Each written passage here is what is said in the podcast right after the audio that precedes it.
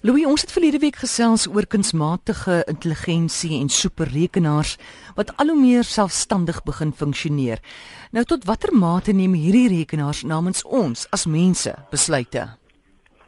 Môre jy sal verbaas wees dat die aantal besluite wat tans deur rekenaars geneem word amper uh, kan ek net sê elke week aan die toeneem is of elke maand aan die toeneem is. Nou baie hiervan is natuurlik operasioneel van aard, soos byvoorbeeld uh, rekenaars uh, wat op sekere algoritmes uh, vir daarvolgens uh, reageer. Sê nou maar die finansiële markte dis 'n baie goeie voorbeeld. En uh, dan besluit die rekenaar self wanneer om aandele te verhandel wanneer om die aandele aan te koop. So dit is eintlik 'n uh, baie algemeen. 'n goeie voorbeeld ook van waar die besluite toenemend aan rekenaars oorgelaat word is natuurlik militêre robotika ek jy het so daaraan geraak hmm. verlede week ook Nou daardie onbemande vliegtuie of uh, in Engels praat ons van drones en die robotte ook op die grond het 'n groot groot mate van autonomie. Hulle neem self besluite ten opsigte van hulle teikens uh, as hulle op die ou entiteit kan herken. En ek dink in die medisyne word dit ook al hoe meer uh, wil ek sê algemeen dat rekenaars uh, met kunsmatige intelligensie begin om sekere besluite te neem. En ek dink ons gaan in die nabye toekoms sien dat hierdie slim rekenaars uh, amper as 'n assistent vir die dokter sal optree. Die rekenaar sal byvoorbeeld deur al die relevante mediese literatuur uh, skandeer en sif en dan sal hulle die dokter met die diagnose help en dan ook sê maar, maar ek dink dis die beste uh jy weet behandeling wat wat gegee kan word. Nou dis nie dis nie vreemd nie want daar is al 'n klomp studies gedoen veral in die mediese veld en het hulle gevind dat rekenaars byvoorbeeld ten opsigte van hartsiektes baie meer akkuraat en baie meer konsekwent is in hulle diagnose. Hulle kyk nie maklik 'n fout oor nie. Hmm. Nou wat van morele kwessies? Kan mens dit ook aan 'n rekenaar oorlaat om daai besluit te neem? Weet jy, uh dis 'n goeie vraag want baie van hierdie operasionele besluite wat ons nou, jy weet hierdie gewone daaglikse operasionele besluite wat ons deur rekenaars laat neem, het morele morele konsekwensies. Kom ons praat weer oor die groot mate van autonomie van die militêre onbemande vliegtye wat mense nou oral oor die nuus hoor, jy weet daar's onbemande vliegtye ingestuur nou in die oorlog daar by by Irak, Sirië en so meer. Nou op grond van hulle opdrag en hulle gesigherkenning besluit hulle self wie hulle doodmaak. Daar's geen tussenkoms van 'n mens nie. En daar's tans 'n baie ewige debat uh, hieroor aan die gang want hulle sê dis morele besluite wat geneem word en daar selfs verskeie groepe wat dan nou eis dat hierdie robotte wat mense kan doodmaak dat ons dit uh onmiddellik moet stop want dit is vir hulle 'n groot probleem. So daar word morele kwessies definitief word besluite althans word aan rekenaars oorgelaat. Hing, ek het nou onlangs iets gelees van waar daar gesê word dat mens moet dit dalk uitkontrakteer morele besluite. Ek meen dit was vir my baie vreemd. Ja, dit is uh, dit is in 'n mate dit klink op vreemd op ons oor, maar weet jy, uh, uh ek kan vir jou die vraag so vra eintlik uh, of jy enige ander persoon sal toelaat om namens jou 'n morele besluit te neem. Nee. En indien nie, jy weet ja, hoekom nie? Jy weet maar daar is tog gevalle waar mense byvoorbeeld sê ek moet nou die masjiene van iemand wat baie siek is uh, of wat nou eintlik al breindood verklaar is moet afskakel, maar ek het net nie die die hart om dit te doen nie en dan vra ek uh iemand om te help om 'n besluit te neem. So ons doen dit op een of ander manier wil ek amper sê jy sê nee, maar goed, ons laat tog morele besluite hmm. aan ander persone oor. En net soos ons die herstel van ons motor aan iemand met die regte vaardighede en gereedskap oorlaat, raad ons baie keer ook morele besluite oor aan mense wat beter ingelig is en ook beter toegerus is om morele kwessies op te weeg. Nou Soms is ons net te besig om uh jy weet hierdie moreel ingeligte besluite te neem. Ek het nie tyd om al die goed te lees nie of op te studeer nie. Uh, sien nou maar jou dieet, die impak op die omgewing, die politiek, die sosiale gelykheid, etiese kwessies, al daai goed.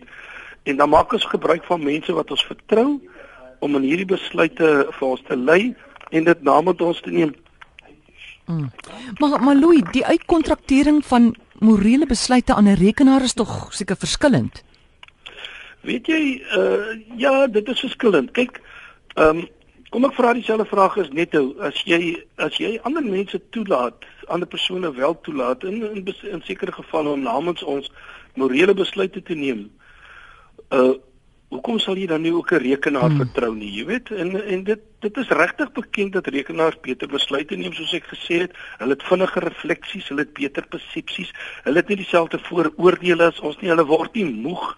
Jy weet as ek moeg is, dan neem ek soms verkeerde besluite. Jy weet as 'n ou bestuur. Hmm. En uh nou ja, ek dink uh, ek dink uh, mense kan dit vertrou en ek dink ook in die nabye toekoms sal kragtige rekenaars met behulp van kunsmatige intelligensie in sekere gekontroleerde omstandighede, byvoorbeeld die keuse van 'n spesifieke mediese behandeling, uh, besluit te neem of die toewysing van hulpbronne of die feite, al die feite opweeg en dan vir jou besluit neem. Ek dink ons gaan dit kry en die besluit sal meer akkuraat wees as as die van mense want dit word nie deur vooroordeel belemmer. Jy weet ons is mos maar mense van die hart. Ek uh, ek weet mos hoe moeilik dit is soms om 'n besluit te neem. Ja. En hy's deegliker en hy hy kan soveel meer groot. Ons praat hier staan van groot inligting, net big data praat die Engelse van. Uh, uh hy kan dit so goed hanteer en uh hy kom verby daai ideologie, inkonsekwenthede, daai lae bloedsuiker oomblikke. Ja, jy weet al daai goede kom hy verby. Goed. Ja. Nou, Louis Rekenaars kan tog seker ook verkeerde besluite neem. Ek meen, daar's iets soos perfeksie nie. Nee, kom ek sê vir jou, jy's reg. Uh, selfs 'n rekenaar kan verkeerde besluite neem. En baie keer was dit al met dramatiese gevolge. Ek weet nie of jy kan onthou nie, dat 'n hele klompie jaar gelede was daar twee eenvoudige prysalgoritmes wat in 'n prysoorlog, dit was nou rekenaars uh, met algoritmes wat in 'n prysoorlog betrokke geraak het en toe die prys van 'n boek oorvlee nogal tot 23 miljoen dollar opgejaag het. Sure. Dit dit was nou eers gebeur het en dan in 2010 natuurlik die groot uh, probleem wat gekom het op die aandelemark in die FSA en jy sal onthou nou moes die aandelemark onmiddellik sluit want daar was 'n blits een uh, ineenstorting van weer foutiewe algoritmes en rekenaarbesluite. So re dis die gevaarlike rekenaar maak foute.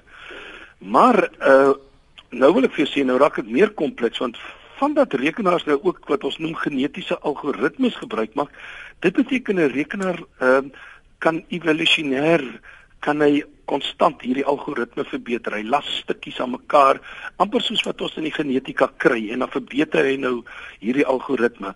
En omdat rekenaars ook neurale netwerke gebruik en dis netwerke wat die rekenaar in staat stel om uh, om self te leer.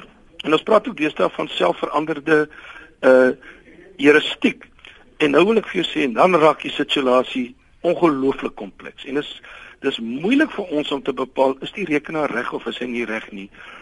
Maar ek vermoed dat ons in die toekoms maar die rekenaar sal moet vertrou want ons doen dit al tans. Ek het laas keer al gesê as jy daai ABS remme trap te hard trap vir 'n motor wat vir jou indry, dan ignoreer die motor jou en hy hy uh, gebruik die rem op op sy manier, jy weet op 'n op 'n vinnige losvat losvat manier hmm. sodat die wiele nie stol nie. Nou uh, ons gaan maar in die toekoms al hoe meer op rekenaars vertrou om besluite namens ons te neem, ook morele besluite. Ja, ja. ja. Gou kortliks as as ek die woord morele besluit lees of daaraan dink, dan dink ek onmiddellik aan emosionele intelligensie en nie so seer kunsmatige intelligensie nie. Ja, dis is dis is joh, Jy vra 'n groot vraag oor emosionele intelligensie by rekenaars. Kyk, as jy nou begin praat oor uh emosionele intelligensie, omvat so baie. As jy nou praat oor waardes, mense het probeer om rekenaars sekere waardes te leer en die mense het het het begin om 'n rekenaar sekere etiese beginsels te leer, al daardie tipe goed wat ons assosieer. maar ek moet vir jou sê, ek dink nie ons het al groot sukses gehad nie. Uh, op die oomblik is 'n rekenaar hy tel maar ene en hulle en hy werk volgens hmm. algoritmes. So ja, ek dink baie dit jou jou voorbeeld is baie goed want dit beteken dat ons rekenaars nog maar lieflik uh, onvolwasse is. dat hulle nie daai emosionele intelligensie het nie. Dis nog 'n goeie voorbeeld wat jy vra.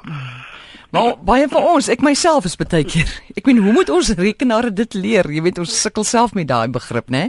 As hulle by ons as hulle by ons dit kan leer nie, ja, dis reg. Dan weet ek nie wat hulle gaan doen nie. Goed, dankie Louie, lekker week. Mooi gaan.